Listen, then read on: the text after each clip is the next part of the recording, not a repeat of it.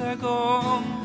Spela hennes älsklingspodd med Peter LePold Åh, låt mig höra den sista gång.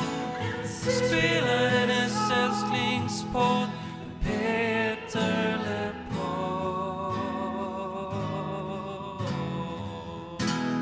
Välkommen hem! Jag heter Tony Savela och här sitter jag tillsammans med min vän Emil. och du där eh, hemma, du lyssnar på Peter Podd, podcasten om Peter Lemarks album och karriär.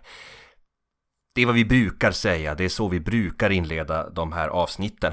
Men, men det vi inte brukar säga är ju att eftersom Peter Lemarks sånger, som vi då pratar om i den här podcasten, brukar kretsa kring ämnena kärlek och relationer, livet och döden, livets goda och hårda stunder om man så vill, så är det ju också saker som vi ägnar lika mycket tid till att prata om som vi gör åt att diskutera typ gitarrsolon. Varken du eller jag Emil är ju varken musiker, skivbolagsfolk eller musikjournalister. En i alla fall. Än i alla fall, vi får ju se hur det slutar. Men, men vi har gjort vårt bästa för att läsa på om, om ämnet vi, vi pratar om när vi pratar om musik. Och vi brukar ju ofta göra intervjuer med människor kring och i musikbranschen när vi, när vi vill stilla vår nyfikenhet kring de här musikaliska bitarna. Som typ gitarrsolon. Ja, det stämmer ju. Ehm, och nu när vi pratar om förra plattan, Tony, det som håller oss vid liv, så kommer vi också in på ämnen som eh, eh, där vi verkligen är lekmän, som religion, Ehm, sex som vi har pratat om tidigare också, eh, och eh, det här med måendet, psykologi. Så precis som tidigare så kände vi att ja, det är väl frågor som vi också behöver hjälp med. Och därför har vi då i det här avsnittet bjudit in tre stycken auktoriteter, eller man skulle kunna säga även experter om man så vill. Och det är då alltså att vi bjudit in en präst, en psykolog och en sexolog. Men Tony, vi kan väl låta de här personerna introducera sig själva. Jag heter Alexander Karlsson. Jobbar som psykolog eh, på vårdcentral. Jag heter Susanne Larsdotter och jag är auktoriserad sexolog eh, och sen är jag legitimerad hälso och sjukvårdskurator, eh, terapeut med steg 1-utbildning. Jag heter Malena Lundefalk och jag är präst, arbetar i Sundsvalls församling. Och vi börjar med ämnet psykologi. Och eh, hur skulle du vilja beskriva din yrkesroll? Eh, Jag tänker så här att jag hjälper folk att eh, förändra hur de fungerar och att fungera så bra de kan. Och i det så ingår det väl att leva med sig själv, leva med sina känslor, leva med livet och allt vad det kan innebära. Liksom. Mm.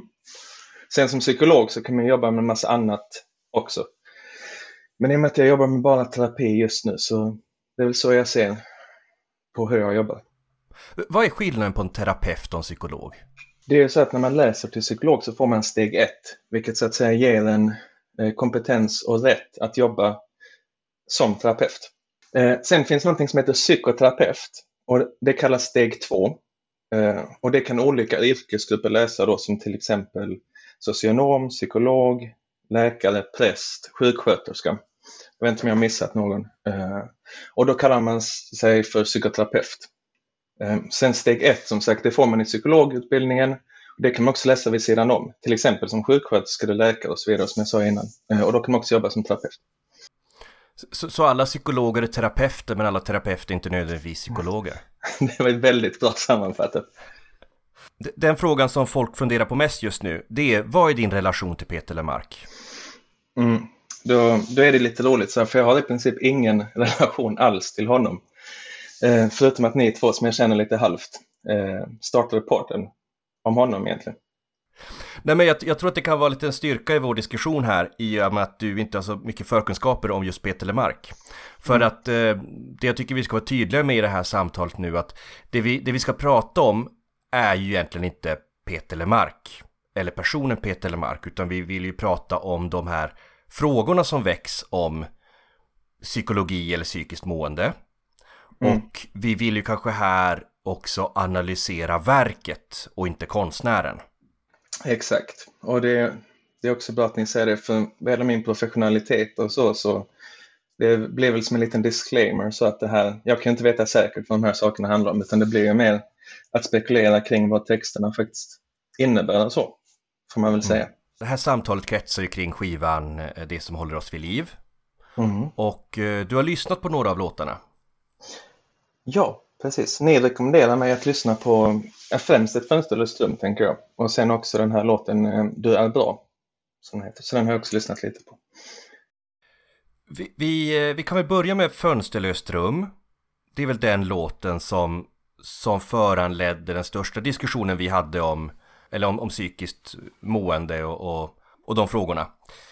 Känner du igen beskrivningen i ett fönsterlöst rum? Och är det mekanismer du möter i ditt yrke? Åh gud ja, det var faktiskt väldigt intressant med texten. Absolut. Så det, det är väl ett stort ja på den frågan, tänker jag. Vad är det du hör i den här texten? Jo, till saken hör jag också att eh, visst fick jag någon bild av något liknande där, där Peter Lemark själv nämner panikångest. Ja men precis, du fick ett utdrag ur eh, Hundra sånger eh, Som en bok där han, där han skriver information om, om olika låtar Exakt, och då blir det ju så här att eh, jag vet inte, jag kanske ska förklara lite i så fall för att eh, panikångest nämns ju så himla mycket till vardags och så. Jag tror inte att alla vet att panikångest i sig är liksom ingen diagnos utan det är en helt naturlig mänsklig funktion eller vad man ska säga. Eh, visste ni det till exempel? Nej Nej, men det gjorde jag väl inte. Det, det är ändå intressant för sakens skull för att i princip ingen som jag träffar eh, vet om det heller. Liksom. Men det är så att, eh, som sagt, panikångest är ingen diagnos, men paniksyndrom kallas eh, liksom den, den psykiatriska diagnosen. Eh, har ni hört det ordet någon gång? Nej. Nej, men då är det så att för att förklara på ett enkelt sätt tänker jag så att ni vet man kan ha fobi för alla möjliga saker. Paniksyndrom är på sätt och vis att man får eh, fobi för sin panik. Ah. Så att man liksom gör allting för att, eh, för att undvika att få en panikattack. Eh, och till den saken hör att det, det hör till också att man ofta har någon katastroftanke knuten till sin panik. Eh, till exempel att bli galen, att dö, att göra bort sig, att svimma och så vidare är några väldigt vanliga så här katastroftankar. Det här känner man ju väldigt mycket igen i vad Peter har pratat om med sin scenskräck.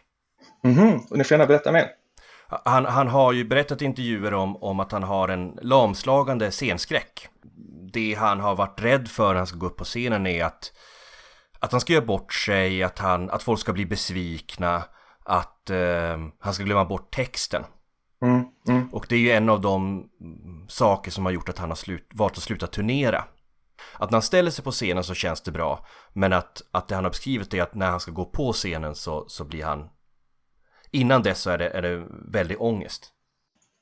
Och det är väldigt intressant för att alltså, där hade jag kunnat säkert gråta ner mig i någon timme om, eh, för där har jag jobbat väldigt mycket med.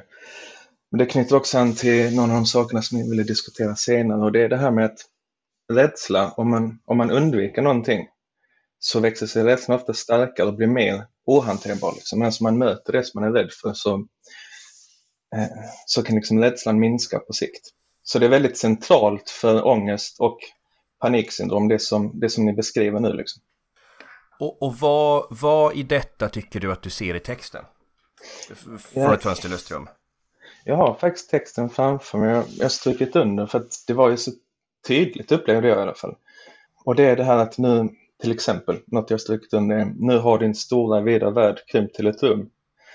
Ett rum som saknar utsikt, ett fönsterlöst rum. Jag tänker det här att just den här mekanismen jag beskrev att i takt med att man undviker mer och mer så blir man mer och mer begränsad. Mm.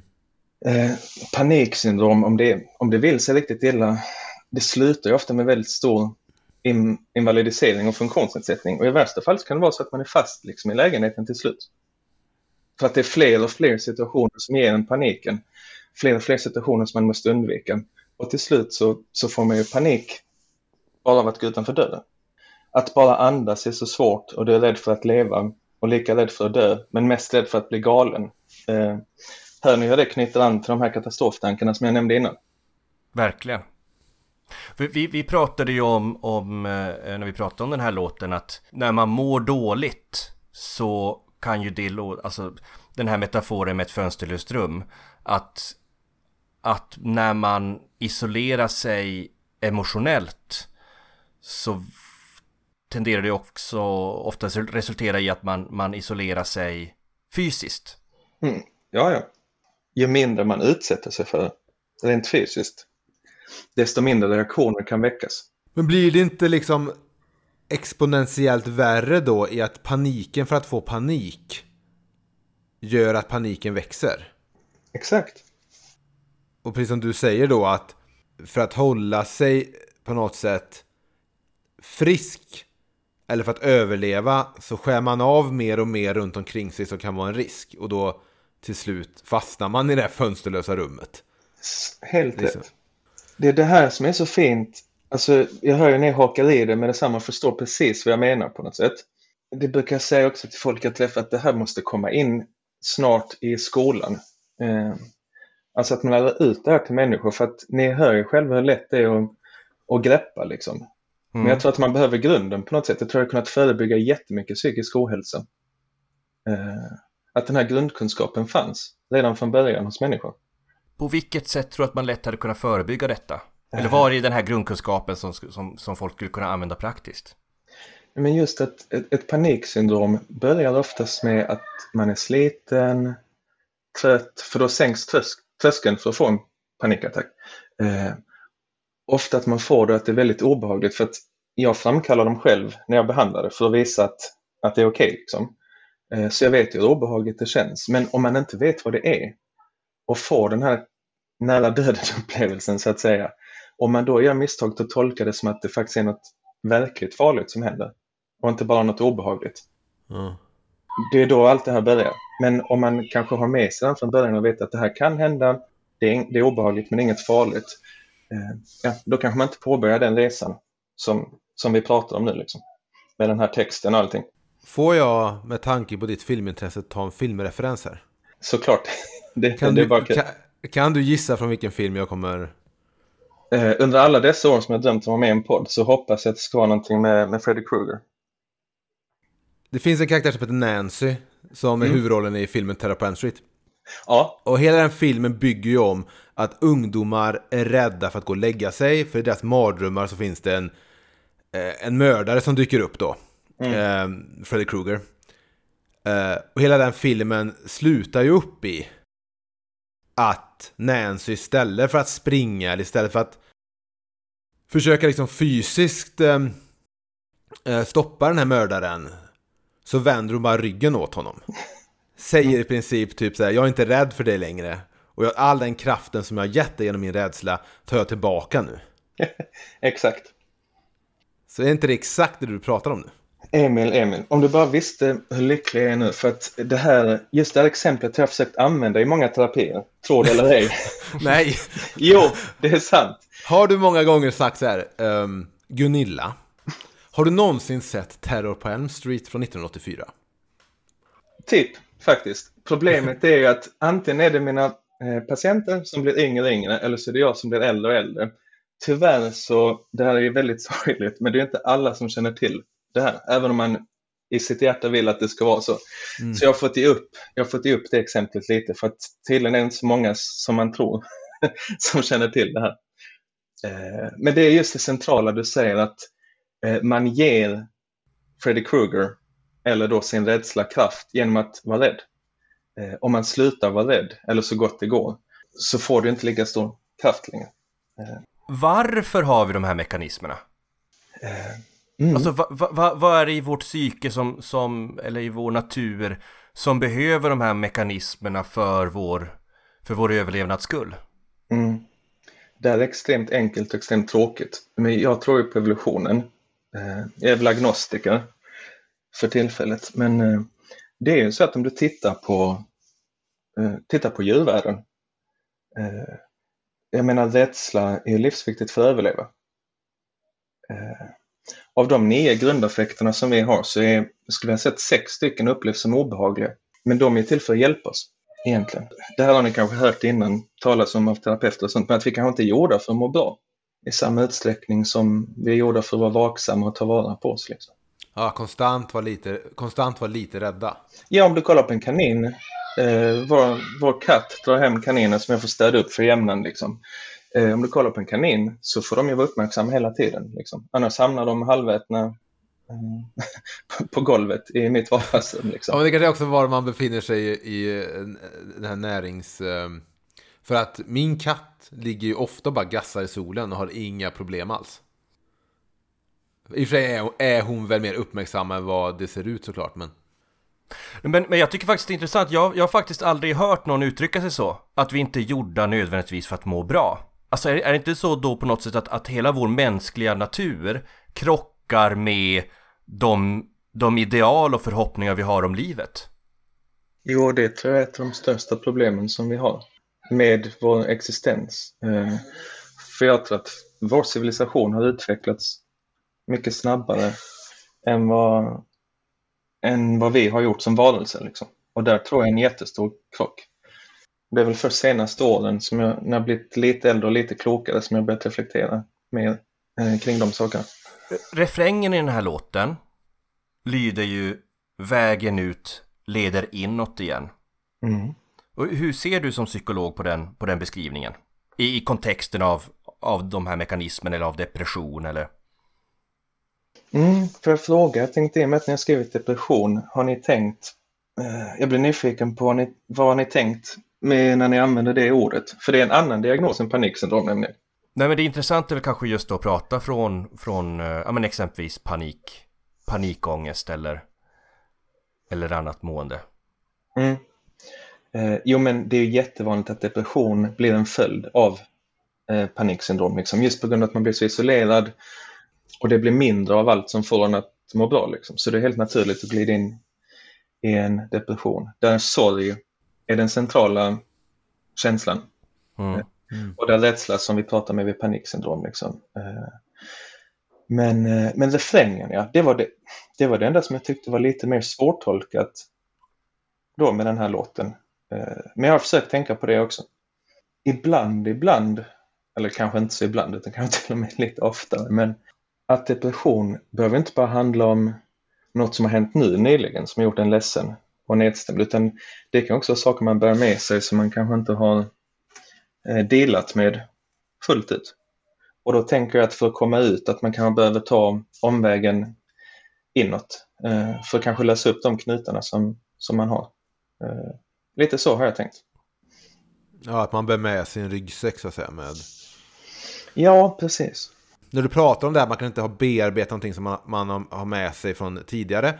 Alltså, är, är ett livslångt bearbetande av ett trauma sunt? Alltså, är, är liksom ett accepterande av någonting som har, har hänt och inträffat är det någonting som vi faktiskt konstant arbetar med? Eller är det lite mer Dr. Filskt? Där han är lite mer så här, det är bara att acceptera det som har hänt, vänd ryggen åt och gå vidare.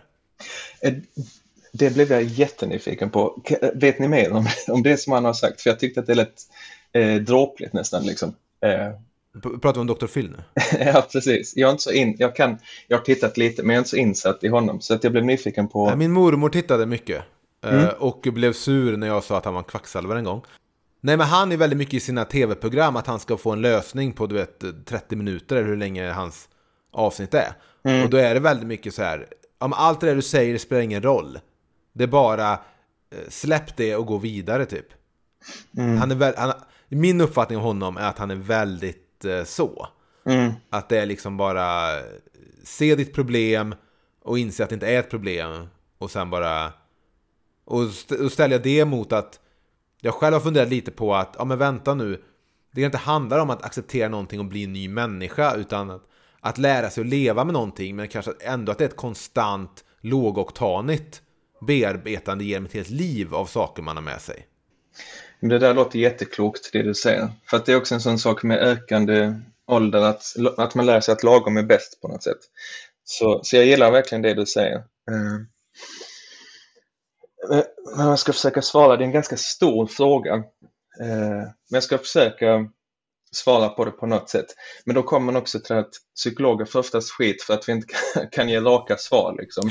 För att det ska vara så mycket nyanser. Och då tar man hellre in någon annan till tv-soffan och så ger de ett klart och tydligt svar. och Så är Ja, det så då här, kommer, liksom. precis, då kommer, Då kommer Dr. Phil. Det, det, finns till och med, det finns till och med en textrad i en låt av, av Peter som heter I mitt andra liv. Då han, om än lite skämtsamt, han, han berättar om en om något som jag tolkar som en dröm i alla fall. Mm. Och så, så refererar han till någon som jag, jag tror att är hans liksom, terapeut. Eh, så går textraden. Och när jag frågar BG, vad betyder allt det här? Säger han, vad tror du själv? Som den vägg han är. Bara, bara angående det där med, med det där skämtsamma om att eh, vad, ni, vad ni psykologer ibland blir anklagade för. Att ni inte kan ge raka svar för att det kanske inte finns raka svar. Men faktum är att jag har tänkt ut ett, ett svar på den här frågan. Det är väl mest att det, det är inte lika enkelt som Dr. Phil kanske vill få det till att, till att vara. Om man bara ska koka ner det jätteenkelt egentligen. Eh, eh, dels det som Emil klokt säger så här att eh, man kanske aldrig blir färdig med någonting helt och hållet. Acceptans är inte ett nirvana man uppnår utan det är något som kommer och går och vissa dagar kanske man har svårt att acceptera något och andra dagar så är det lättare. Liksom. Men poängen jag ville komma till är att, eh, att bearbeta, alltså alla beteenden vi har kan vara såväl konstruktiva som destruktiva. Och vissa saker behöver man bearbeta och det är konstruktivt. Eh, och vissa saker kan vara nyttiga bara, okej okay, nu kommer jag inte längre med det här, nu måste jag släppa det vill jag ska göra en enkel liknelse så kan det vara så här att eh, en fredagsgrogg eh, för att koppla av och återhämta sig. Att dricka den kan vara ett jättebra beteende. Mm. Men att ta en stor grogg för att man inte orkar med sina känslor, för att man inte orkar med det man har varit med om eh, och för att döva det, det kan vara ett destruktivt beteende. Så att, att göra en och samma grej kan ha jätteolika betydelse eller konsekvenser beroende på vilken kontext det är. Det var, det var, väldigt, det var ett väldigt intressant svar. Tyckte ni att det blev klarare eller luddigare? Uh, jag förstår det, men samtidigt kan jag också förstå kritiken om att ni aldrig ger raka svar. ja, men, eh, men fortsätt fråga, så kan vi se om vi kommer fram till någonting till slut. Men det, det jag tar med mig av det är väl att, ändå att alltså, allt är ju relativt. Alltså, alla människor är ju ändå byggda olika och har med sig olika erfarenheter och behöver väl också kanske acceptera och lösa saker olika. Liksom. Eh, vi är ju ändå unika snöflingor allihopa på något sätt. Mm. Så din uppgift blir väl då att vara någon sorts, alltså att känna in hur personen du sitter framför fungerar och är och hitta den bästa vägen för den personen också. Mm. Så sant. Sagt, vissa saker behöver man släppa och vissa saker behöver man bearbeta. Och ibland är det halv eller en stor del av resan är bara att komma underfund med, okej, okay, vad ska vi göra med det här? Vi ska fortsätta samtalet med Alexander lite längre fram här i avsnittet och då ska vi prata om låten Du är bra. Men först så ska vi prata lite med Malena som arbetar som präst. Och vad gör en präst egentligen? Det är möten med människor i eh, olika delar av eh, livet i liksom ljus och mörker, i motgång och medgång och försöka presentera Gud som en följeslagare i deras liv. Hur är din relation till Lemark? Men den är passionerad och liderlig. den, är, den, är, den är brinnande. Eh, har väl varit ett Lemark-fan i jag vet inte hur många år. Jag försökte räkna ut det men ja men det har väl liksom böljat lite fram och tillbaka sen kanske ungefär 2003 skulle jag säga. Då, då sen uh, det som håller oss vid liv Exakt. släpptes då? Ja, som av en händelse. Ja, men jag tror det hänger ihop faktiskt. Men där är en fråga, för du, om du är präst, kommer du från en kristen familj eller hittade du? Jag kommer från en familj av ateister mina föräldrar uppfostrade mig inte alls kristet och jag har inga syskon eller några andra släktingar som är kristna. Utan nej, det var helt orelaterat till familjen. Ah, okay, okay. Mm. Hur, hur, hur kom det sig att du blev präst om man får fråga? Jag fick mitt prästkall, kände jag väldigt starkt när jag var 11 år gammal. Och lite av en slump kan man väl säga hade jag hamnat i en barngrupp i kyrkan i Jakobsberg för övrigt Peter Lemark gjorde, var vad han gjorde, vapenfri tjänst i Jakobsberg. Mm. där var det en präst som inspirerade mig så pass mycket att jag utan att ha träffat en enda präst förut kände att jag ska bli som hon när jag blir stor. Och då hade jag fortfarande inte varit i kyrkan utan vi var i, liksom i källaren och spelade innebandy och sånt. Men det var ändå, dragningen var ändå så stor. Sen fick jag henne några år senare som konfirmandpräst också och på den vägen är det. Du känns ju Malena som en ganska modern präst om man får säga så. Ja, men jag, jag förstår att ni tycker det. och på ett sätt så är jag väl det också. Men jag, jag, vill också säga att det finns väldigt många som är som jag. Mm. Det vill jag säga till mina kollegors försvar. Ja, vad bra. Jag menar, jag menar inte att förolämpa de andra, men... Nej, absolut, nej, men. Men, ja. men det är glädjande när man exempelvis tittar i din Instagram och man ser liksom en press som växer, som ser ut att liksom lyfta regnbågsflaggor och så vidare. Ja, jo men det är ju precis, det är ju en viktig del av mig, skulle jag säga. Mm. Och det är ju inte alla präster som håller med om det, men det finns ju en bunt i alla fall. Särskilt i Svenska kyrkan, det är ju lite, lite mer ovanligt i eh, de flesta av frikyrkorna. Ja. Mm, mm. Det här avsnittet kommer ju då från när vi hade vårt samtal om eh, det som håller oss vid liv. Mm. Och eh, i det avsnittet så pratade vi ju en del om religion och religiösa och religiös symbolik. Och en av de första låtarna vi diskuterade här på, på det här albumet var ju då eh, låten Detta blir min död. Mm. Och eh, det är den här låten då Lemarks rollfigur sjunger från andra sidan graven. Vad hör du i din yrkesroll eller du som präst i den låten? Så jag tog ju del av er diskussion med, med stor glädje och liksom recensionen av olika prästers griftetal, det som ni kallar begravningstal. Det är spännande. Det jag hör i min yrkesroll är ju just kanske svårigheten att för de närstående presentera personen som man är där för att minnas och ta avsked av. Men det jag tänker på, särskilt när jag hörde er diskussion, är griftetalets ärende. För eh, jag kan förstå att man tycker att det lätt blir banalt och kanske väldigt malplacerat också, att prästen ska stå för de mest insatta och berätta om personen som de känner men som prästen inte känner. Mm. Det känns ju ganska meningslöst om man ser det på det sättet. Men griftetalets ärende är egentligen att förmedla hopp och tröst. Lite som någon av, det, någon av er var inne på också, att prästen är liksom en ledsagare genom begravningsriten.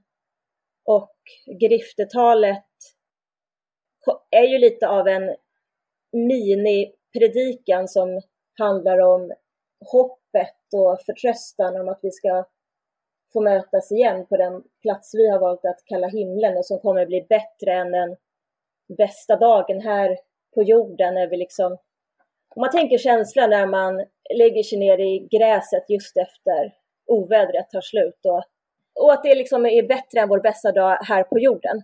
Eh, och det är griftetalets ärende. Men sen för att det ska bli personligt och att det inte ska bli liksom massproducerat så vill man ju också på ett sätt presentera personen som ligger där i kistan. Och då bygger vi det på samtalet som vi alltid har innan med de anhöriga. Och där vet jag ju att präster gör väldigt olika. Vissa känns som de nästan låtsas på att de gör anspråk på att de känner personen.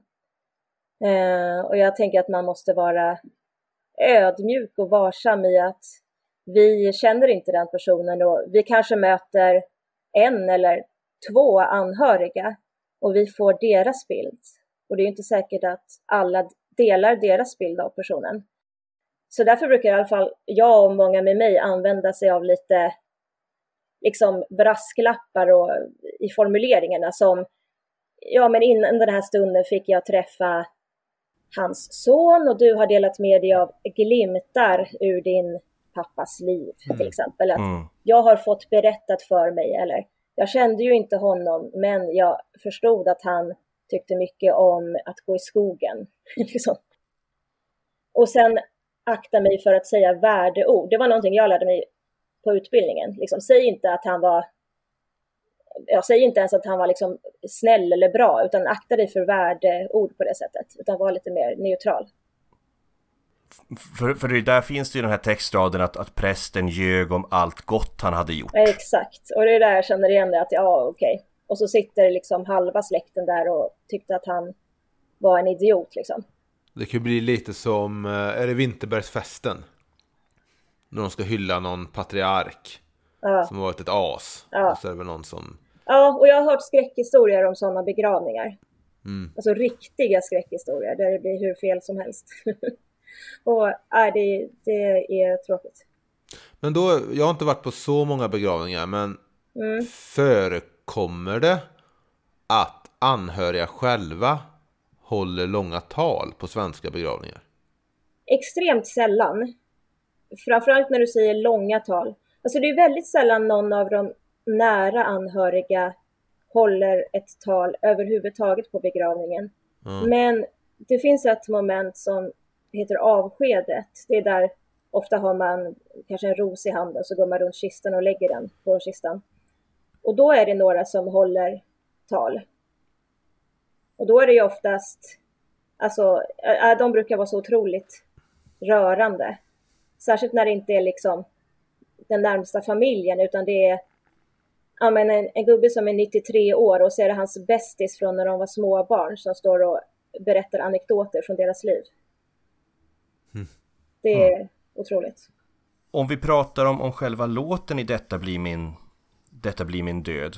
Mm. Du sa, när vi, vi mejlade lite innan och då så sa du att du hade någon tolkning om den här låten. Mm. Någon av er eller ni hade fått någon slags aha-upplevelse mot slutet. Mm. När man på något vis insåg att det kanske var en metafor. Mm. Eh, och att det kanske inte är döden utan att det är början på något nytt. Och det jag, det jag tänker som kristen, som präst, är ju att, det, att döden är början på något nytt. Så det motsäger inte varandra i min tolkning av låten. Så, så för dig så går det hand i hand? Ja. Ja men när, när det är människor som, som har som, som har någon av de här ritualerna i kyrkan, dop eller bröllop eller begravning och de personerna inte är kristna Ändrar du eller försöker du anpassa så att säga hur mycket religion du, du för in i, i talet? Eh, förstår nej. du min fråga? Ja, jag förstår din fråga och jag skulle säga svaret är nej. ett, ett, ett rakt nej, men med omsorg förstås. För jag tänker också att det finns någonting som gör att de söker sig till kyrkan. De har valt att låta sitt barn döpas i kyrkan eller den avlidna är fortfarande med i Svenska kyrkan och det innebär att den vill ha en, en kristen begravning. Liksom. Annars mm. finns det ju gott om borgerliga alternativ. Men sen så finns det såklart eh, olika grader av det. Jag skulle aldrig säga att jag skalar bort någonting. Vi har ju en kyrkohandbok som vi, vi följer. Men sen kan man ju lägga till mer eller mindre. Oftast lägger man väl till kanske mindre av det religiösa och mer av personens ja, egna favoritlåtar eller dikter och så vidare. Mm. Har du varit med om att folk spelar Lemark-låtar på begravningar? Ja, jag försöker tänka på det nu. Eh, nej, jag har nog inte det. Däremot vid dop så är ju fem fingrar ganska vanligt. Men ja, den kommer vi nog prata om i nästa avsnitt. Mm. Men eh, har du fått någon lista med låtar där du liksom har studsat på låtvalen? Att det är så här, vad fan ska ni spela det här för? Eh, ja, alltså inte så mycket på begravningar. Det är klart att jag kanske har tänkt att oj då, men då har de oftast motiverat det väldigt bra. Ja. Och då har det varit helt okej. Okay. Det, Alltså, jag tycker ofta har de ju bra motiveringar, men särskilt vid, vid vixlar känns det som att ibland så väljer de en låt bara för att de vill liksom överraska eller chocka de som är där. Mm. Utan att ha tänkt efter på att det här kommer vara liksom deras bestående minne. Jag hade några som ville gå in i kyrkan till den här, vet han, Erik Amarillo, vill du ligga med mig då? och då, då pratade vi igenom det lite så här, att vill ni verkligen att det ska bli liksom det första anslaget i gudstjänsten? Så. Ja. Men sen kom jag undan det där äh, bröllopet helt, för jag råkade föda mitt barn alldeles för tidigt. Så jag vet inte hur det slutade. Nej, det, då kom det som en räddare i nöden där kanske. Ja, det gjorde ju lite det. Ja. Det, när vi pratar om eh, det som håller oss vid liv. Mm. Eh, det, det är en skiva där Peter använder många religiösa symboler. Eh, hur uppfattar du det här med att Peter använder religiösa beskrivningar på just den här skivan? Ja, men jag älskar ju det. Jag älskar det. Och det känns ju lite som att den här, för mig i alla fall, känns den här skivan som en väg ut ur mörkret att lyssna på. Att liksom gå från död till liv, vilket är det djupt kristna mönstret. Liksom. Eh, och för mig blir de religiösa orden naturliga för mig i så, i så sammanhang. Mm. Men sen vad han lägger in i dem, det, det vet jag ju inte exakt. Nej, men så att, så att för dig är det inte du känner inte när du lyssnar på den att säga, ah, här har Peter Lemark gjort en religiös skiva utan det är du som, som, som kan känna igen dig i skivan eller så att säga, eller hitta. Ja, precis. Precis. Jag, jag förutsätter inte att han liksom hade drabbats av någon akut frälsning och sen skrivit den, utan eh, med, jag förstår ju att jag läser in saker. Det finns ju den här låten Morgonens nåd. Mm. Och där sjunger han om det här svårförklarliga begreppet nåd. Mm. Va, vad är nåd för dig? För mig är nåd, nåden är gratis. Så om man tänker på latin så heter det, det är samma ord för gratis och nåd. Eh, och det är någonting som liksom flödar över alla breddar. Och jag försökte, det är de här stororden det är svåra att definiera. Så att ett exempel skulle kunna vara liksom att vila i Monikas famn till dånet av långtradarna och känna tryggheten där, skulle jag verkligen säga som nåd. Eller ligga i gräset när ovädret tar slut, eller varit vaken av ångest en hel natt. Sen kommer morgonen och det börjar lätta. Det är nåd, och nåden är ny varje morgon. Så nåd är inte nödvändigtvis något religiöst? Jag skulle säga att allt det här jag beskriver är religiöst. Kan man, kan man nå nåd genom musik? Ja, det tror jag verkligen. Jag är nog beredd att gå så långt att säga att jag har mött nåd i den här skivan. Det får du gärna utveckla. Den har, den har varit liksom morgonen i min natt flera gånger. När jag har haft mörka stunder i mitt liv så har den hjälpt mig. Och på det sättet så, så är det en nåd. Liksom. Det är en nåd att få lyssna till och det är en nåd att få lindring på olika sätt. Alltså dels tröst men också lindring bara i att veta att man inte är ensam. Men har den här skivan en helt annan plats hos dig än hans övriga skivor? Eller får du den trösten och sånt även Finner du det i de andra skivorna också? Ja, men jag finner det bitvis i de andra skivorna. Men jag skulle nog ändå säga att den här har en särställning i just det ärendet. Det betyder inte nödvändigtvis att jag tycker att den är liksom den bästa Lemark-skivan generellt, men på det temat, absolut. Jag är ju inte eh, troende, men jag brukar ju skämtsamt säga att, att musik är min religion. Mm. Kan man få samma sak, tror du? Mm. Av musik som av, av, eh, av en, en religiös tro? Eh, det beror väl lite på vad man vill ha. Alltså jag tänker att eh, musiken är, en, är ofta en stor del av religionen, i alla fall kristendomen. Alltså psalmsång och Bach och orgel har ju haft en liksom stor ställning i kyrkan och hjälper till att förmedla religionen, absolut. Mm. Men sen tror jag att religionen är mer än bara det. Men ser du Lemark som en andlig artist? Nej, det skulle jag nog inte säga. För jag har, nämligen, jag har en god vän, eller barndomskamrat, som är uppväxt inom Pingstkyrkan. Mm. Någon sorts konkurrent då till Svenska kyrkan. Mm. Ehm, och han lyssnar på podden. Så då frågade jag honom, för jag var lite intresserad, om, om det lyssnades på Lemark i hans hem då under hans uppväxt. Mm. Han säger att, ehm, att han själv har grunnat i det. Speciellt med tanke på det existentiella temat i många texter och livet och sårbarheten. Men han kan inte minnas någon influens då av Lemark under uppväxten och jag tror att orsaken är denna, kolon.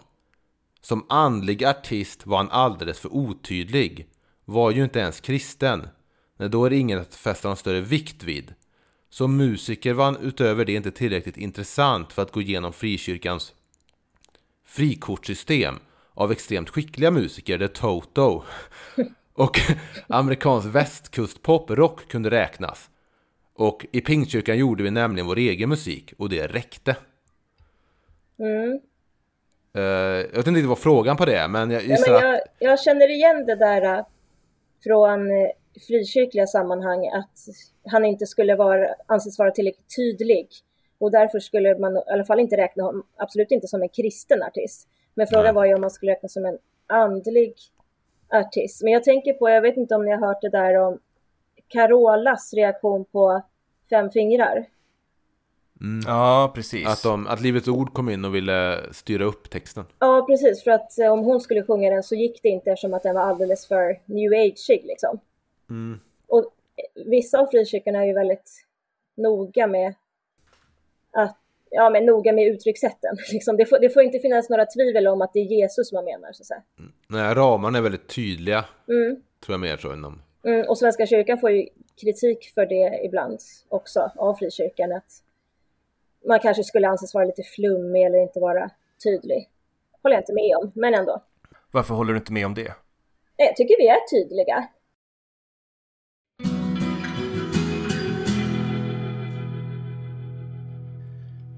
Ni ska få höra mer även från Malena, vår präst. Men först ska vi besvara denna fråga. Vad är en sexolog egentligen? Själva titeln sexolog är inte en skyddad titel, så i princip får vem som helst kalla sig för sexolog, eh, därför att den inte är skyddad. Eh, så därför måste man alltid titta på vad personen har för grundutbildning om någon kallar sig för sexolog. Men sen är det också så att det finns en förening som heter Svensk förening för sexologi som auktoriserar sexologer. Och då måste man då ha läst ett antal sexologipoäng på universitetet. Man måste ha genomgått sexologisk handledning. Man eh, ska ha jobbat med sexologisk rådgivning Eh, eller föreläsningar och utbildningar beroende på vilken sexologauktorisation man söker. Så att det är en väldigt stor skillnad på att bara kalla sig för sexolog och att vara en auktoriserad sexolog. Själv har jag en master i sexologi och eh, läst mycket sexologi efteråt. Jag har jobbat kliniskt med sexologi och ehm, ja, ser mig som en seriös yrkesutövare som sexolog. Det är liksom inte bara någonting som jag har eh, funderat ihop själv, utan det här är ju ett akademiskt ämne och jag är en seriös utövare och är också legitimerad hälso och sjukvårdskurator så att personer som, som möter mig i eh, sexterapi eller annat kan ju också anmäla mig för att om jag skulle hålla på med kvacksalveri. Vad var det som fick dig att vilja bli sexolog?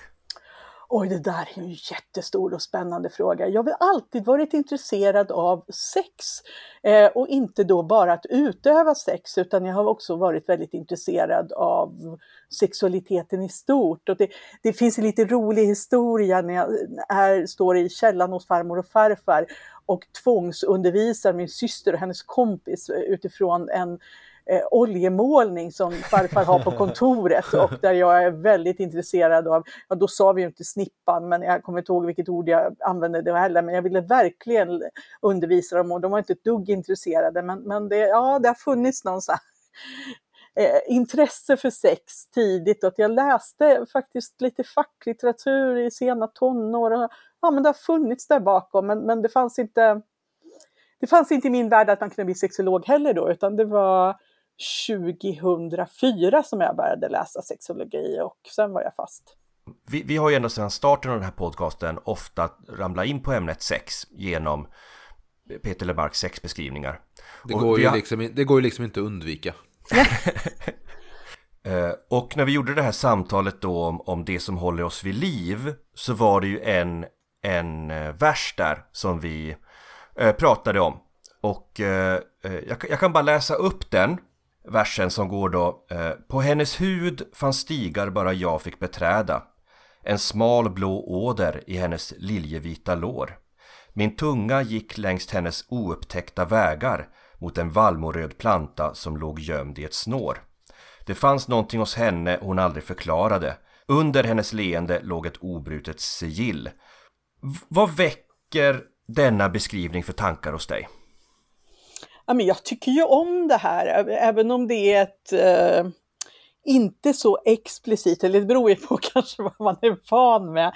Men det här är ju ett lite po- poetiskt språk om eh, att närma sig eh, fittan och klitoris och eh, jag tycker om det här som låg gömd i ett snår. Vad avses? Är det blygdläpparna eller är det könshåret eller vad är det som eh, avses? Det är lite dubbel och den här vallmoröda plantan. För min del får det gärna vara ännu mer explicit, men jag tycker ju Mm. väldigt mycket om det här att det är en poetisk beskrivning av sexualiteten. För att vi behöver ord och språk för att eh, uttrycka vår sexualitet och vår längtan och våra begär. Så att alla ord som man kan komma på att använda och hitta tycker jag är värdefulla.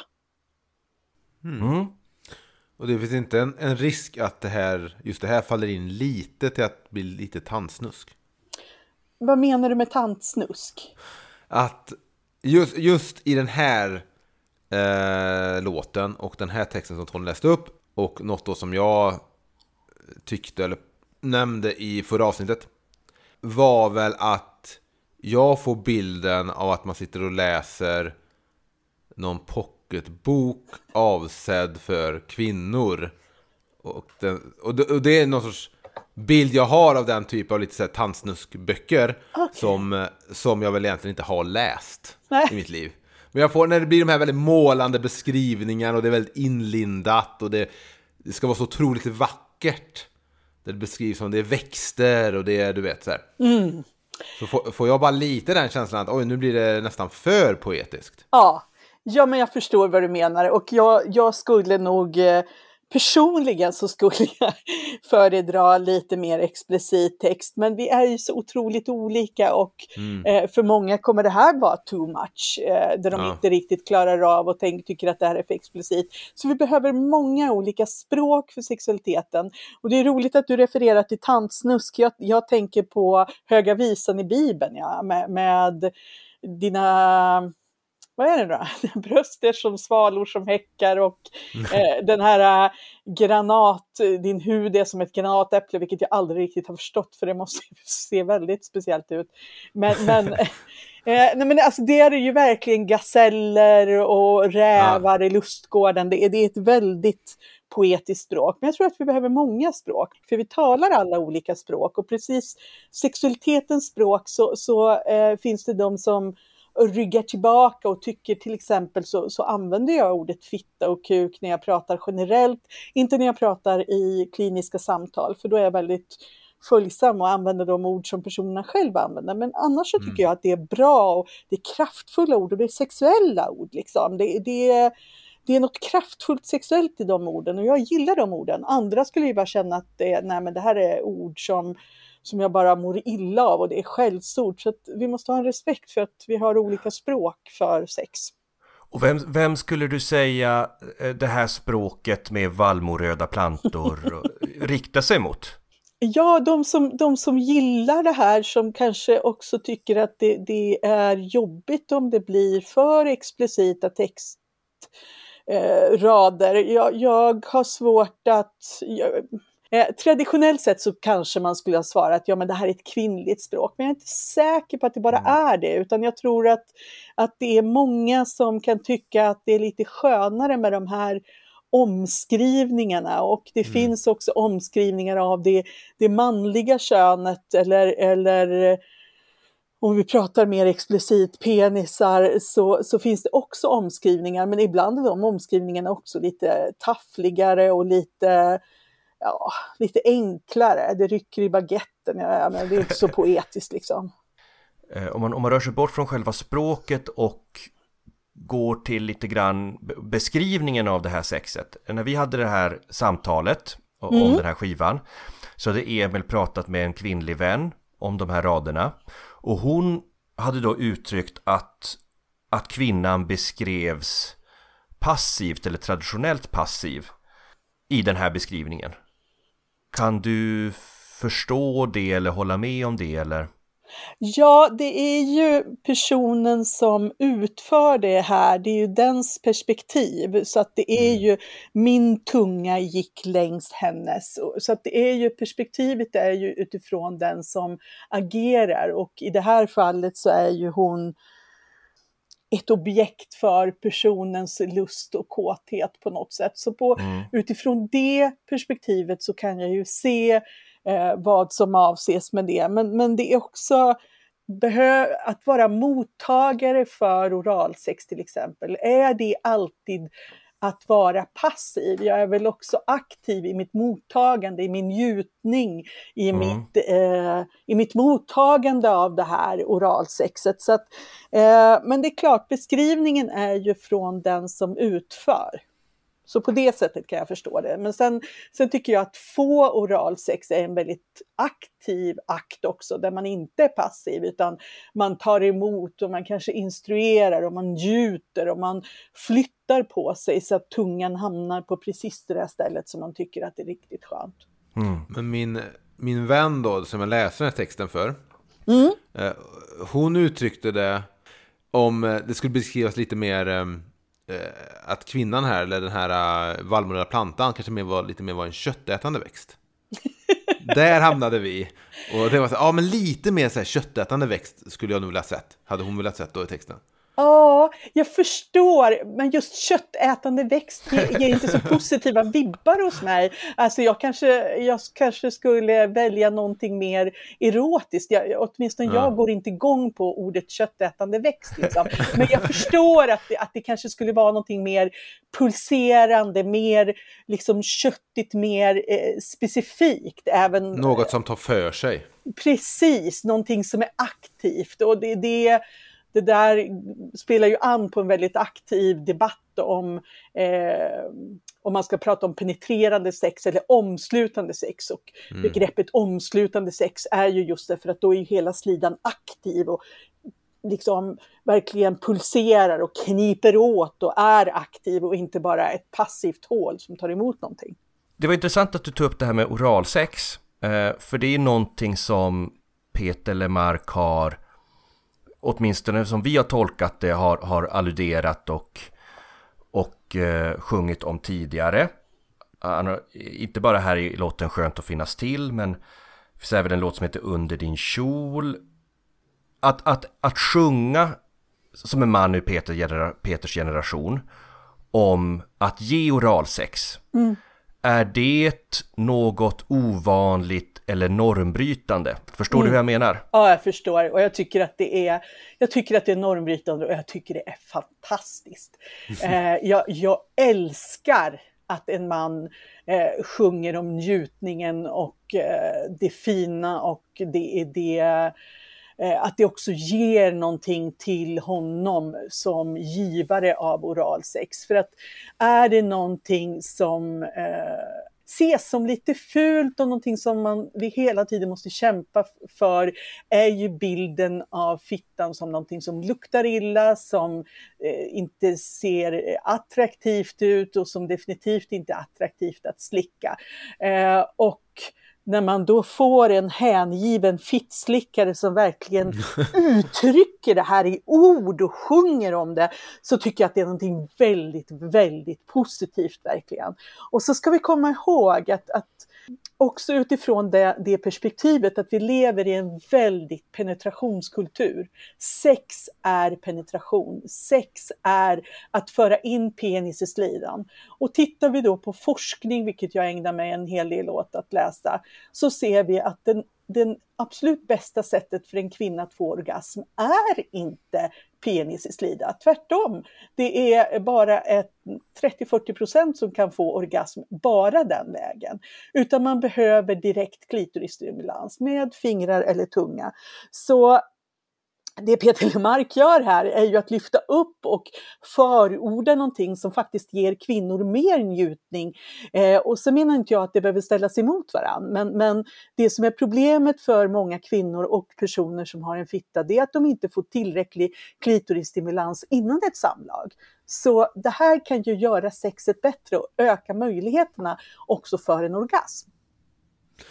Men när du säger att vi lever i en väldigt penetrationsfokuserad värld, eller hur du uttryckte Ja, det. ja. Hur ser du utvecklingen där? För att till exempel Under din kjol släppte han 1992 och han har själv sagt att det explicit handlar om att ge oralsex. Eh, den låten då. Eh, men idag har vi, har vi se, sker det en utveckling i den synen på sex ändå? I positiv bemärkelse då? Ja, ja, det gör det ju. På det stora hela så ökar, alltså eh, kvinnor och fittbärares orgasmer ökar i antal om vi tittar på sexualvaneundersökningar. Så att ja, det blir bättre.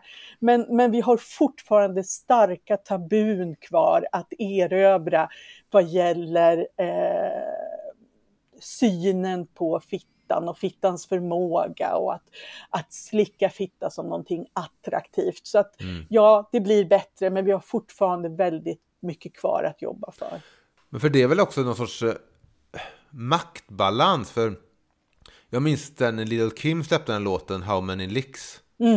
Så var väl det något svar på den hiphopkulturen där det var Det var ju liksom en maktgrej att bli avsugen och att och att inte då ge oralsex eh, till kvinnor. Exakt. Och så kom hon och eh, Missy Elliott eh, tog ju också någon sorts så här eh, ställning sexuellt i sina texter just inom hiphopen då. Ja men precis, och det tycker jag, det är det, det jag menar att, att eh, i det läget så är det här ganska milt, men det är en föregångare och som du säger från 92, det är ju fantastiskt. Eh, men, men man kan också göra det mer explicit och ännu mer tydligt. Och det där är ju jättefina eh, exempel på just det här och eh, vikten av att det också kommer in i populärkultur och i musik framför allt. För musik är ju, musik och sex kan ju verkligen höra samman. Du, du har ju tittat lite grann på Peters texter nu under Mm. veckan har jag förstått. Mm. Hur uppfattar du Peters sätt att, skildra sex och relationer i allmänhet? Ja, det är mjukt och det är fint och det är lite, lite poetiskt. Eh, tycker jag. Det är, eh, man måste gräva lite grann för att hitta det och man måste ha lite fantasi eh, för att eh, se det ibland. Ibland är det mer explicit men ibland är det också mer implicit. Eh, och jag tänker att det här, eh, vi har alla olika sätt att uttrycka sig och för vissa är det här väldigt starkt. Men jag tänker också att han fortsättningsvis skulle kunna dra ut svängarna ytterligare lite mer. Men jag kanske kan fråga er om hjälp om en sak som jag har funderat på. Mm. I låten Under din kjol så är en av textraderna Lita på mig nu, du får min pistol. Och då undrar jag vad pistol står för där. Jag har en teori om det som, men Tony kan ju svara först om han har en. ja. Nej, alltså jag, jag, vill, jag vill väl också säga att även om under din kjol, även om vi i podden har, har eh, eh, kanske lite för humorns effekt sagt att den endast handlar om, om eh, eh, oralsex så, så kan jag väl tycka att den kanske har ett, ett lite större perspektiv på kärlek och, och en relations hemligheter än bara just det. Eh, men eh, där har väl pistol för mig varit en metafor för penis. Mm, För, och, och för mig så var- är det där mer en sån här äh, jag och du mot världen grej. Att jag skyddar dig på något sätt. Eller typ vi tillsammans Ja, mot det. omvärlden mer. men jag har ju sett låten också, när vi pratar om den plattan, um, det finns inget bättre den låten är med på. Så pratar vi just om att jag blev, jag tyckte låten blev lite mindre när man i Peters egna bok kan läsa att han explicit säger där handlar om att ge oralsex. Och jag har hela mitt liv från min barndom tolkat det lite mer som eh, två älskande mot omvärlden mer. Ja, just det. Att man kan gömma sig under sin älskades, älskades eh, kjol eh, för att gömma sig från omvärlden och alla hot på något sätt. Men då den bilden skapades när jag kanske var 12. Så att, men den har hållit kvar sig fram till att jag läste Peters bok då. Ja, men precis. Ja, men alltså, för jag visste inte om jag var för, för att jag ser sex i allting, för det kan hända. Eh, för jag reagerade väldigt kraftigt negativt mot pistolmetaforen. För tyvärr är det ju så att eh, mäns kön eh, har representerats av vapen i många avseenden och att pistol blir då något slags hot. Och är så urless och trött på att man, mäns kön ska representeras av vapen och att det också upprätthåller den här bilden av den fallocentriska sexualiteten som bara är i behov av den erigerade penisen. Det är allt som, som behövs och att den också kan användas som ett vapen mot kvinnor.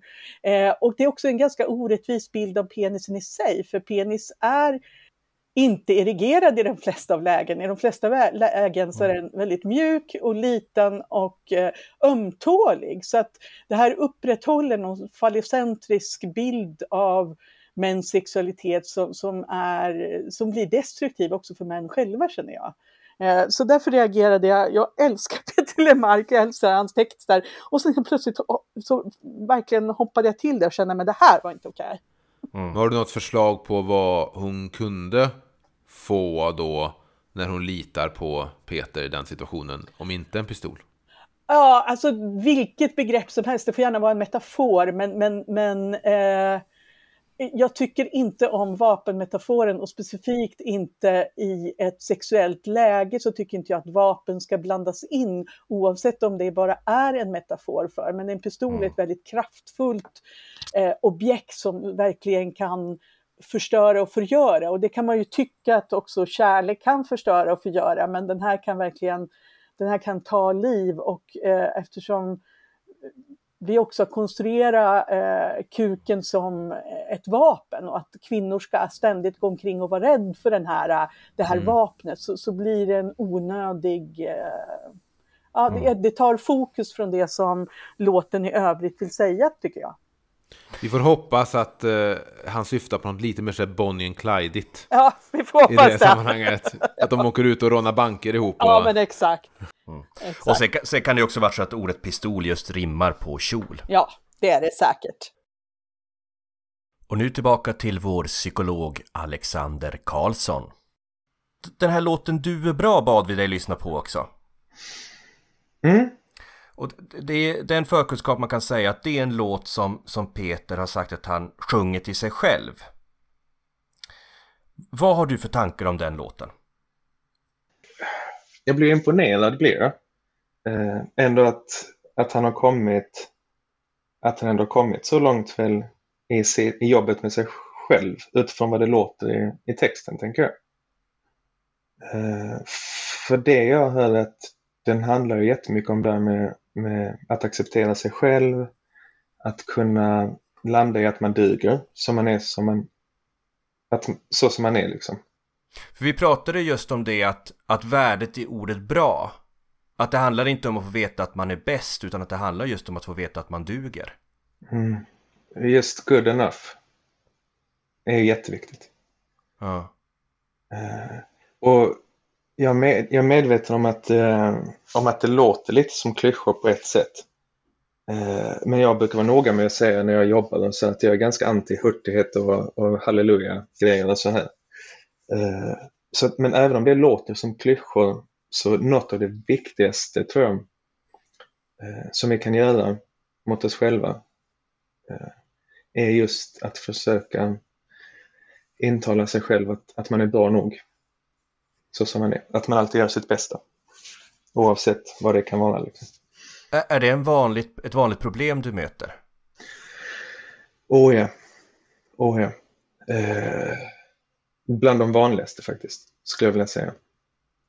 Eh, just det här med skam, skuld, sorg och rädsla. Det är väl de, det är skam, sorg och, och rädsla som ställer till otroligt mycket för oss. Och om, om det här med panik kommer från, från rädsla för vår överlevnad. Mm. Var, varför gör skam det? Mm. Den är jätteintressant. Det är nog den som jag har haft mest problem med i livet tror jag. Eh, Så ibland glömmer jag till och med bort den när jag ska skriva upp den på tavlan eh, i mitt jobb. Det är ganska intressant. Eh, Men jag har blivit bättre på att komma ihåg det nu. Och det kan man knyta lite till det Emil sa att katten, katten är liksom högst i näringskedjan så den har väl inga bekymmer så. Men då tänkte jag att skam, eh, man tänker sig som grottmänniskor och så. Vi människor har alltid varit gjorda för att eh, leva i grupp. Det håller ni med om nu? Mm. Ja. Eh, och då tänker man sig att skam är ju till för att eh, om man har gjort något fel eller förbjudet enligt kultur, eh, normerna så här, att man ska kunna be om ursäkt. Eh, även hundar och andra däggdjur och så här kan ju visa skam liksom. Och det är ju för att inte bli utkastad ur grottan. Eh, för att om man tänker en grottmänniska blir utkastad ur grottan, då är vi är inte riktigt högt i, nä- högst i näringskedjan då. Det är vilket vilt djur som helst som kan döda oss egentligen. Mm. Eh, och det är också till för att förhindra såklart icke önskvärt beteende. Om man har skämts riktigt mycket för någonting någon gång, då vill man ju inte uppleva den känslan igen. Så då, då utför man ju oftast inte den saken igen. Eh, så jag tror att skam håller nog oss eh, kanske i schack mer än vad lagar och så här eh, gör ibland. Liksom. Jag kan ju få sådana här skamsköljningar när jag plötsligt mitt från ingenstans kommer att tänka på någonting pinsamt eller dumt jag gjorde från Det kan vara typ när jag var 12 och så plötsligt så bara så här sköljs jag liksom av en känsla av skam från ingenstans Som att man måste bara skaka av sig och så försvinner det Mm, jag också, dagligen. dagligen liksom.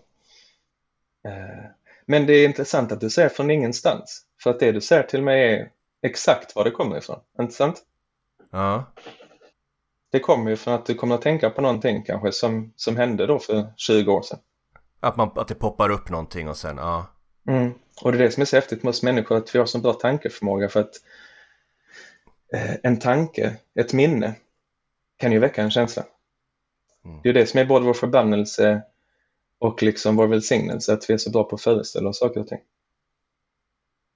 Samtidigt så sjunger ju, Peter sjunger ju den här låten Du är bra Mm. Sudda ut din skuld, den drar dig ner i dyn Mm. När du kunde segla som en pil högt upp i skyn Gå med ryggen rak och var säker på en sak, du är bra Mm. Visst är det fint? Där pratar jag då om en, om en skuld, skuld och skam som har gått för långt Som blivit lamslagande, eller? Exakt. Det, är det, jag, det pratar jag också jättemycket om. Eh, alla de här nio grundaffekterna vi har är till för att hjälpa oss. Vi- Vilka, vilka är de? Ja, tack för det. Det är, jag räknar här på fingrarna. Det är rädsla, det är ilska, det är glädje, det är sorg, det är skam, det är nyfikenhet, det är förvåning, det är avsky och det är äckel. Och alla de är till för att hjälpa oss. Mm. Eh, Men när det blir för mycket, som ni är inne på, eller att det inte stämmer, att det blir ett slags falsklarm, det är då, det är då vi får problem i livet. Så målet är att de nio ska vara balanserande gentemot varandra på något sätt? kanske inte gentemot varandra utan det är mer Mm. att eh, när man får en känsla eh, och våra känslor vill ju att det, vi ska göra någonting. Eh, antingen skydda oss eller om vi är arga att säga ifrån eller anfalla eller säga någonting. Eh, målet är väl att de känslorna ställer till med, med trubbel, alltså att vi har problem. Eh, då blir det att försöka bli medvetna och, och välja att inte alltid följa den. Men för att knyta an till det här med, med scenskräck till exempel, som ni, ni tog innan. Det är enkelt att man, man har den där panikattacken precis innan. Att eh, det är ett taskigt exempel, för just panik är något av det jobbigaste, det är svårt att gå emot. Men att kanske andas, få ner paniken lite och sen tänka så att okej, det här är en naturlig reaktion inför hotet att gå ut inför den här stora publiken. Eh, med risken att göra bort mig totalt. Men att om man väljer att gå emot den känslan och sen göra en bra spelning så kan det bli bättre till nästa gång. om man där liksom vänder om, ställer in spelningen, så ökar det risken jättemycket att man får en panikattack nästa gång, att man gör likadant. Ja, och sen har vi pratat om vad som kan hända sen liksom. Nu håller du på KBTR. ja, det kan man väl säga. Nej, men för, för, det, för det du säger här är ju egentligen samma sak som textraden Allt du tror är fel, gör dig mänsklig, gör dig hel. Wow. Mm. Och det är det jag menar att det är så mycket jag blir imponerad av när jag, när jag läser de här texterna. Det är väl ett jättebra exempel, det som du tar upp. Och här kommer återigen prästen Malena Lundefalk. Ja, men vi var ju inne på det här med, med eh, musikens roll och, och, vi har ju pratat om döden. Och det är ett tema som är liksom rätt betydande för, för Peters sångkarriär. Vilken betydelse tror du musik och beskrivningar av, av de här stora svårbegripliga sakerna som döden och, och livet i sångtexter har för oss människor? Jag tror att det har stor, stor betydelse. Jag tror nästan att musiken har all betydelse i att beskriva stora saker, stora känslor. Det är ofta saker som inte låter sig fångas i ord så lätt. Och då behövs metaforer, liknelser och så vidare för att försöka ringa in en känsla eller ett tillstånd. Jag tänker att det är ungefär som att beskriva vad Gud är. Mm. Det är lika svårt som att beskriva vad kärlek är. Så att det behövs liksom ett symbolspråk och då, då blir musiken ett, ett naturligt sätt att vända sig till. Liksom. Har, har, du själv använt musik eller sångtexter i, i kommunikationen med människor? Mm. Det har jag som, gjort. In, som, in, som inte är salmer? Ja, men det har jag gjort. Till exempel så har jag predikat med egna sångtexter som jag har skrivit. Framförallt att jag har rappat dem. Oj. Vad, vad, har, du, vad har du gjort för, för låtar då? Nej men alltså det är ju, ja det har ju varit och de är, ja jag vet inte, det är ju ingenting som jag är extremt stolt över, det är det ju inte. Men mm. det som fick störst genomslagskraft var när jag rappade ett skolavslutningstal i en kyrka som fick, ja jag tror det fick 180 000 visningar på Aftonbladet som fick tag i den. Oj! Ja. Så du är lite en viral succé? Ja, jag var det då i alla fall. Oj. Nu är det dags igen efter den här podden. Ja, precis. Eh, har du, har du använt Lemarks eh, texter i dina predikan på något sätt? Ja, det har jag gjort. Vi överlevde vintern har jag ju använt som, ja men som i predikan. Alltså jag har ju använt mig av textrader från den och jag har vävt in och jag har även skrivit, jag skrev någon rap. Om jag vet inte om ni känner till den här rapparen Homan Segbati? Nej. Men han kom upp till Oviken där jag jobbade och hade en liten så här, kyrkturné där vi rappade. Och då hade vi en hiphop-gudstjänst kan man säga och då rappade jag predikan med eh, stor inspiration av Vi överlevde vintern. Ja, men du knyckte rader och sånt? Jag knyckte väl framför, jag knyckte väl framför allt den raden Vi överlevde ja, vintern. Det var inte så att du, du ni, ni samplade låten? Nej, det hade ju kunnat vara snyggt. Men alltså jag skulle säga, jag är ju ingen rappare va. Mm. Utan det som gör att jag kommer undan är ju 100% för att jag är präst. Vilket gör att förväntningarna är mycket lågt ställda. Jag skulle ju aldrig komma undan med att ah, nu kommer rapparen Malena Lundefalk. Liksom. I låten Där blått möter blått ställer sig Peter frågan om varför alla åker till New York och inte till Jerusalem. Hur tolkar du den textraden? Ja, absolut inte som ni tolkade den det här med att ja, men det finns mycket fler sevärdheter i, i New, eller det finns mycket mer att göra i New York än i Jerusalem. Jag, det kan du väl ändå hålla med om? Ja, jo, men det kan jag hålla med om, men jag hade, inte, jag hade inte ens eh, tänkt den tolkningen. Utan jag, jag tolkar den som att alla söker liksom, materiell framgång, snabba kickar, istället för att söka sig inåt. Alltså vägen ut leder inåt. Då tänker jag i New York som det här, mm. det här snabba kickarna, det coola, det hippa materiella liksom, välståndet. Och Jerusalem är liksom resan inåt. Men om du hade fått en flygbiljett nu ja. Eh, och du hade inte behövt känna någon så flygskam och sånt. vad, hade du valt New York eller Jerusalem? Alltså det är ju nästan dött lopp skulle jag säga. Mm. Jag tror du hade valt New York. Ja, kanske. Det finns mer shopping där tänker jag mig. Ja, och då, då kan du gå till någon så här svart kyrka som är så här med något gospel och... Ja, det finns, ju, det finns ju coola kyrkor där som är väldigt, väldigt stora. Men jag menar, det Mm. finns ju the original churches i Jerusalem. Mm. Och jag kan gå på ställen där liksom Jesus skulle ha varit och så vidare. Jag skulle vilja åka till båda ställena. Du, kan- du kan ju åka på en, eh, du kan åka på en rap-turné. Mm, hänger ni med? Ja, Varför inte? Vi kan, vi kan, eh, så, lä- så länge du samplar eller mark så är vi på. ja, om han följer med så är jag på. Mm. Ni har, inte, har ni tänkt på det där, hon viskar till mig eller var det till natten? Din kropp är mitt bröd och ditt blod är mitt vin. Ja jävlar, den missar vi Tony.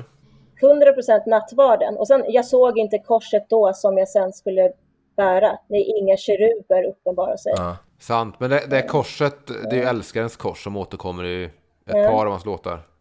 Ja, men sen är det också mycket välsignade marken och det är, det är ett mustigt religiöst bildspråk. Men det, ja, jag tyckte det är fascinerande med, natt, med den tydliga liksom, nattvardsdelen. Ja. Du har ett starkt case där. Jag har ett starkt case. Jag hittade, en, jag hittade några starka case i, i andra låtar också faktiskt. I det här avsnittet så pratar vi ju med dig Mm. som präst, vi pratar med en psykolog och vi pratar med en sexolog. Mm, Tycker du att dessa tre ämnen hör ihop? absolut. På vilket sätt? Nej, alltså, dels är jag ju själavårdare. Mm. vilket gränsar till psykologin. Det finns ju en, en distinkt skillnad mellan psykologer och präster i det att psykologer kan bedriva behandling medan präster mer ger liksom stödande samtal. Vi, vi får ju inga journaler eller vi sätter inga diagnoser. Men vi kan ju föra stödjande samtal och grundläggande kunskap i psykologi är helt nödvändig för att vara präst skulle jag säga. Och sen i samtalen är det ju kanon ifall man kan någonting om sexologi. Verkligen, alltså eftersom att det, det kommer upp många samtal som handlar om, ja men det som kan handla om sex, men ofta handlar det om att man har varit med om övergrepp eller att man har problem med sin partner på olika sätt. Och då är det bra att inte bli rädd eller generad eller helt handfallen. Och nu tar jag istället och vänder mig mot dig, Susanne Larsdotter, sexolog.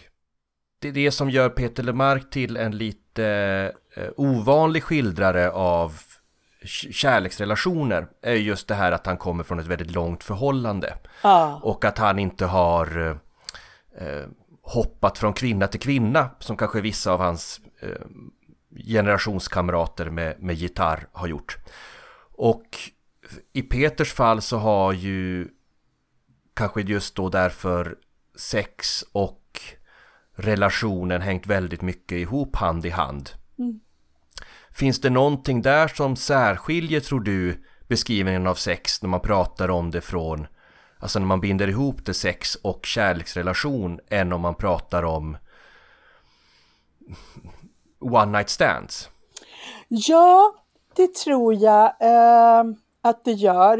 Eh, det finns en, en skillnad för den, den, eh, den långvariga relationen eh, mister kanske en del av passionen som man bara har i förälskelsen och den långvariga kärleken hittar eh, andra kvaliteter men behöver nödvändigtvis inte innebära att det inte finns sex och passion eh, kvar. Och det kan jag också känna ibland att, att eh, jag kan tycka i texterna ibland att det, det, det, finns en längtan efter det som har varit. Sexualiteten och Mm. passionen och kåtheten som har varit. Det jag kan, det jag kan bli lite vad ska säga, sorgsen och tänka att men, men det går att ha bra sex och eh, passionerade stunder också i långa relationer. Men, men man måste jobba för det, det måste man. Men, Mm. men eh, någonstans kan jag också i, eh, i texterna, och det är kanske också bara mina egna eh, tolkningar som i den här låten Skönt att få finnas till, eh, så, så är det eh, bilden av det här paret. Eh, Mm. eh, och jag tänker så här, eh, och det finns en till låt också som är så där att, att ja men det var man ser med någon slags nostalgisk bild tillbaka till ungdomen och ungdomens sexuella uttryck, men, men Mm. det får vi aldrig tillbaka. Och jag tänker att att åldras är att också se det fina med varje eh, ålder och att acceptera att förutsättningarna förändras men, men Mm. åtrån kan finnas kvar på samma sätt. Och jag tänker, jag jobbar också mycket med äldre sexualitet och har man någon gång pratat med en 78-åring som är nyförälskad och kåt som bara 17 eh, och längtar efter dem, då ser man att det inte är så stor skillnad mellan att vara 78 och 13 ändå. För längtan, osäkerheten, viljan är densamma. Men det tar sig lite olika uttryck och det finns lite olika kroppsliga eh, begränsningar.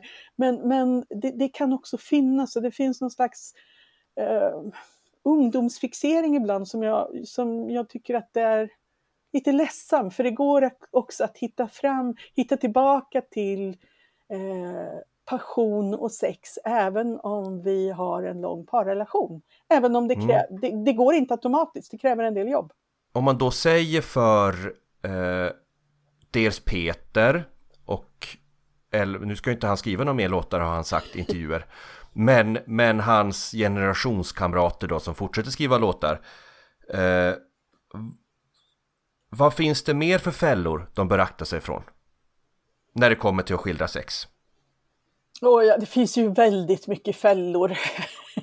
men, men jag tänker att ja, det får man Om- någonstans hantera. Det är bättre att det kommer skildringar. Ja. Eh, och det vore förmätet av mig, tycker jag, som sexolog att sitta och ge, ge musiker goda råd. Eh, jag tänker att de är poeter och vi har olika poetiska uttryck och olika stil att skriva. Jag är nog mer rädd för frånvaron av passion, kärlek, sex, åtrå, kåthet än jag tycker hellre att det får komma några klyschiga historier eller att någonting, det får komma någon pistol eller det får komma Mm. någonting som, som eh, människor kanske reagerar på. Eh, Hellre det än att vi inte har eh, de här bilderna. Och jag skulle också önska att det, det kom fler beskrivningar av medelålders och åldrande kärlek och sexualitet och eh, eh, begär. Så att det inte hade bara, för vår kultur är så upptagna vid ungas sexualitet och ungas sexuella uttryck så att vi, vi glömmer bort att det här är någonting som gäller alla i alla åldrar och men de kan ta sig lite olika uttryck men, men känslan och engagemanget finns fortfarande kvar hos många även om man blir äldre. Peter vidrör detta faktiskt i en senare låt som heter Kärlek i tystnadens tid. Även om det kanske är lite vidare än bara sex. Men där sjunger han, han sjunger om när eh, barnen har flugit ut. Just det. Kan eh, Hela huset är tyst nu och denna skymning violett. Jag tror jag minns hur man älskar, fast på ett annorlunda sätt. Här får du dagarna som aldrig kom, dagarna vi inte visste något om. Vad vet vi om kärlek i tystnadens tid?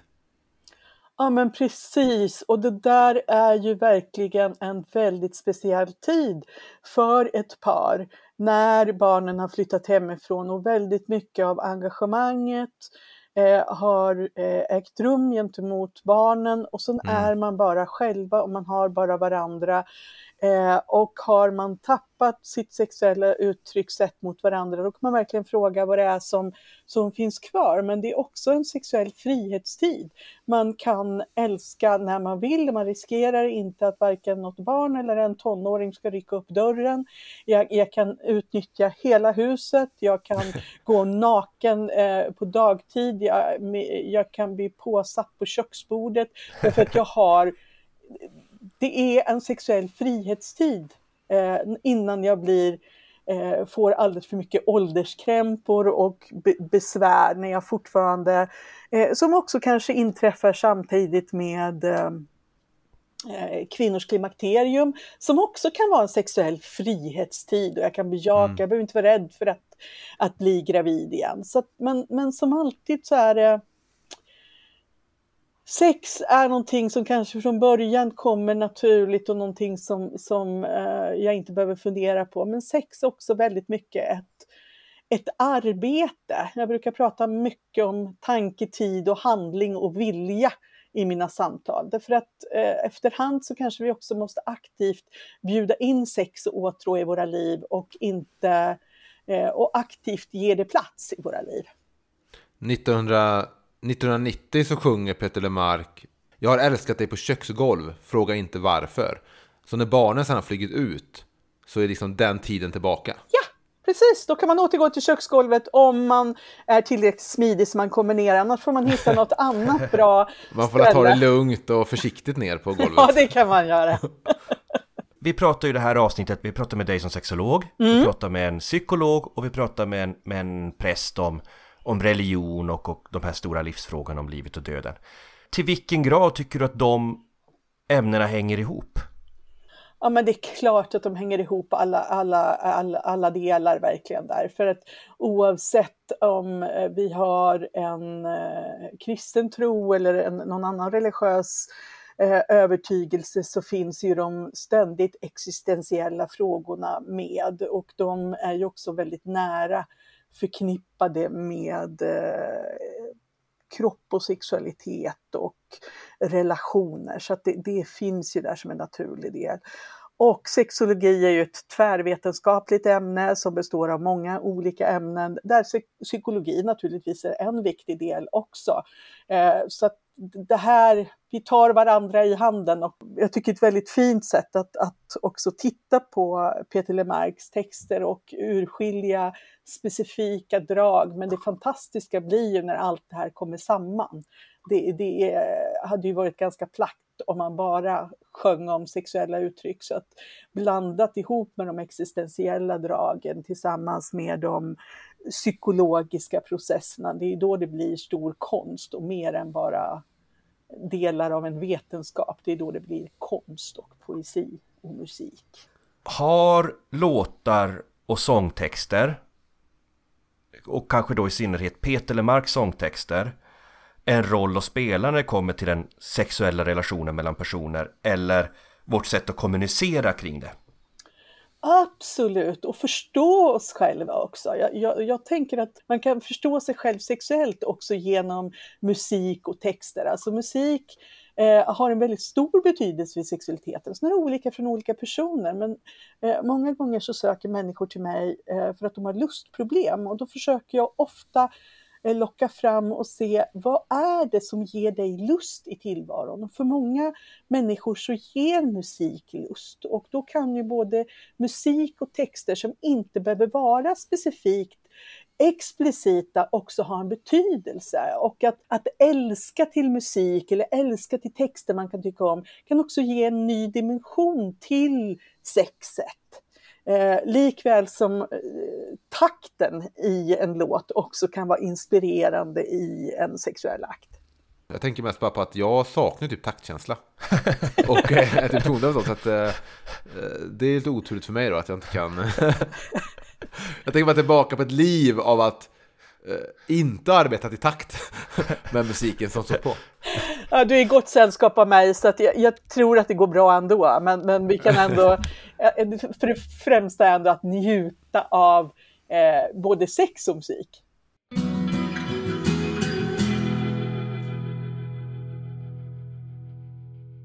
Och nu måste vi faktiskt ställa exakt samma fråga till dig Alexander som vi har gjort till Malena och Susanne. Hur pass tror du, tror du att de ämnena, sex, religion, psykologi, hänger ihop? Tänk, allting handlar väl jättemycket om att vara människa. Eh, och att eh, verkligen att, att lära sig att stå ut med, med jobbiga saker. Jag tänker att livet kan vara jobbigt för i princip alla i stora perioder. Eh, religion och sex kretsar också kring, kring de ämnena. Mm. Eh, tänker jag. Eh, det finns ju också en nidbild, precis som det finns en nidbild av psykodynamisk terapi, att det är bara en eh, terapeut som sitter som en vägg. Eh, så finns en nidbild av KBT också, att det bara är här och nu och att det är väldigt så tekniskt, som vissa av de sakerna jag beskrivit idag. Mm. Eh, men det handlar om att prata om hela livet och hur man har lärt sig allting och, och vad som har lett upp till den punkten där man är idag. Liksom. Mm. Eh, och, ja, jag, jag ville väl ha med det också för att hjälpa till att luckra upp i och med att ni nämnde det här med KBT. Mm. Men jag tänker också att det går in i det här med religion, den frågan ni ställde, att det handlar jättemycket också om att lära sig att stå ut med svåra saker. Eh, Att livet inte alltid är lätt, men att man måste försöka göra det bästa av hårda tider och så, tycker jag. Och tror du då att musik i allmänhet och, och kanske Peter Lemarks musik i synnerhet efter det lilla möte du har haft med honom här kan hjälpa oss att prata om, om psykologiska problem? Självklart. Det är en så pass sluten fråga så jag tänker att det, det går inte något annat än att svara ja på det. Hur, hur tror du att vi kan, det kan hjälpa oss? Dels ser jag att det är jätteviktigt att uppleva att man inte är ensam om att ha det så här. Eh, Att det finns hopp, eh, att det finns en lösning och att det också finns ljuspunkter i livet. Och det är väl fint på något sätt bara utifrån det samtalet som vi har haft så har vi liksom alla har kunnat ge exempel på det här som vi har pratat om. Eh, Vilket visar att det är liksom det är aktuellt och relevant för oss alla på något sätt. Fantastiskt fint svar. Ja, tack. Men eh, jag, jag blir lite nyfiken på att höra, i och med att det är en så pass eh, en fråga som bara har ett svar liksom, så vad tycker ni om, alltså hur skulle ni svara på den här frågan? Eh, ja, det, det, som sagt, när, när, man, när man ställer den som, som jag gjorde den först så, så är det ju väldigt svårt att svara något annat än ja. Men det jag tror att, eh, eh som jag har mer och mer landat i när jag har haft den här podcasten med Emil nu och vi har pratat om de här ämnena genom Peter Lemarks texter. Ha, alltså hans låtar handlar ju oftast om relationer och livet och döden och då har det ju blivit så att vi har pratat om de här ämnena. Men från, från mitt perspektiv så har jag upptäckt att, att så som jag, det som är min religion, det som är mitt sätt att ta mig an världen är ju oftast genom populärkultur och kanske i synnerhet musik. Och kanske precis som det du säger att an, antingen får man den här känslan av att, att man inte är ensam, att man kan känna igen sina egna erfarenheter. Men också det att man som när man lyssnar på eh, exempelvis Peter Lemark kan komma i kontakt med personer som, som har gått igenom samma saker som man själv gjort och hittat vägen ut. Och, och då eh, tycker jag det är eh, eh, häftigt när man, när man kan få hjälp på vägen genom, eh, genom musik. Om det så då är genom eska, ren eskapism, att man får glömma sina problem för fem minuter. Eller om det är genom att, att eh, ha igenkänning. Men jag, jag tror... Jag håller väl med om det och ja, det är en sån ynnest för människan som Eh, ras att vi har ett talspråk och vi har ett skriftspråk och att man kan beskriva någonting som sedan en, alla andra kan ta till sig och på, på det sättet kan vi beskriva och ta ner livet, döden, eh, sexuella frågor, eh, psykologiska frågor eh, och även frågor då kring tro och sånt. Att allt det kan vi paketera på ett sätt tack vare att vi har alltså jag sa, vi har skrift, vi har tal och vi har en populärkultur och vi kan, vi kan sjunga om det och vi kan skriva om det, vi kan göra en film om det. Eh, vi kan, liksom, vi kan skapa Freddy Krueger för att prata om det.